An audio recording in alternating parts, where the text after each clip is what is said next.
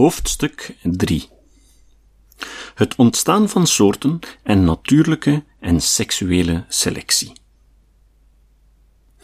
Wij aanschouwen het gelaat van de natuur als schitterend van vreugde.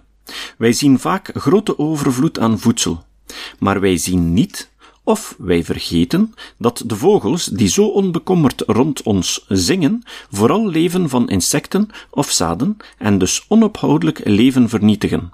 Of wij vergeten hoeveel van die zangvogels of van hun eieren of jongen vernietigd worden door roofvogels en roofdieren.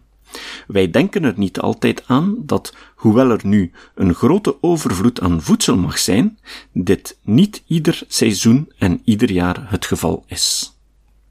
Charles Darwin over het ontstaan van soorten 1859-2000, pagina 62.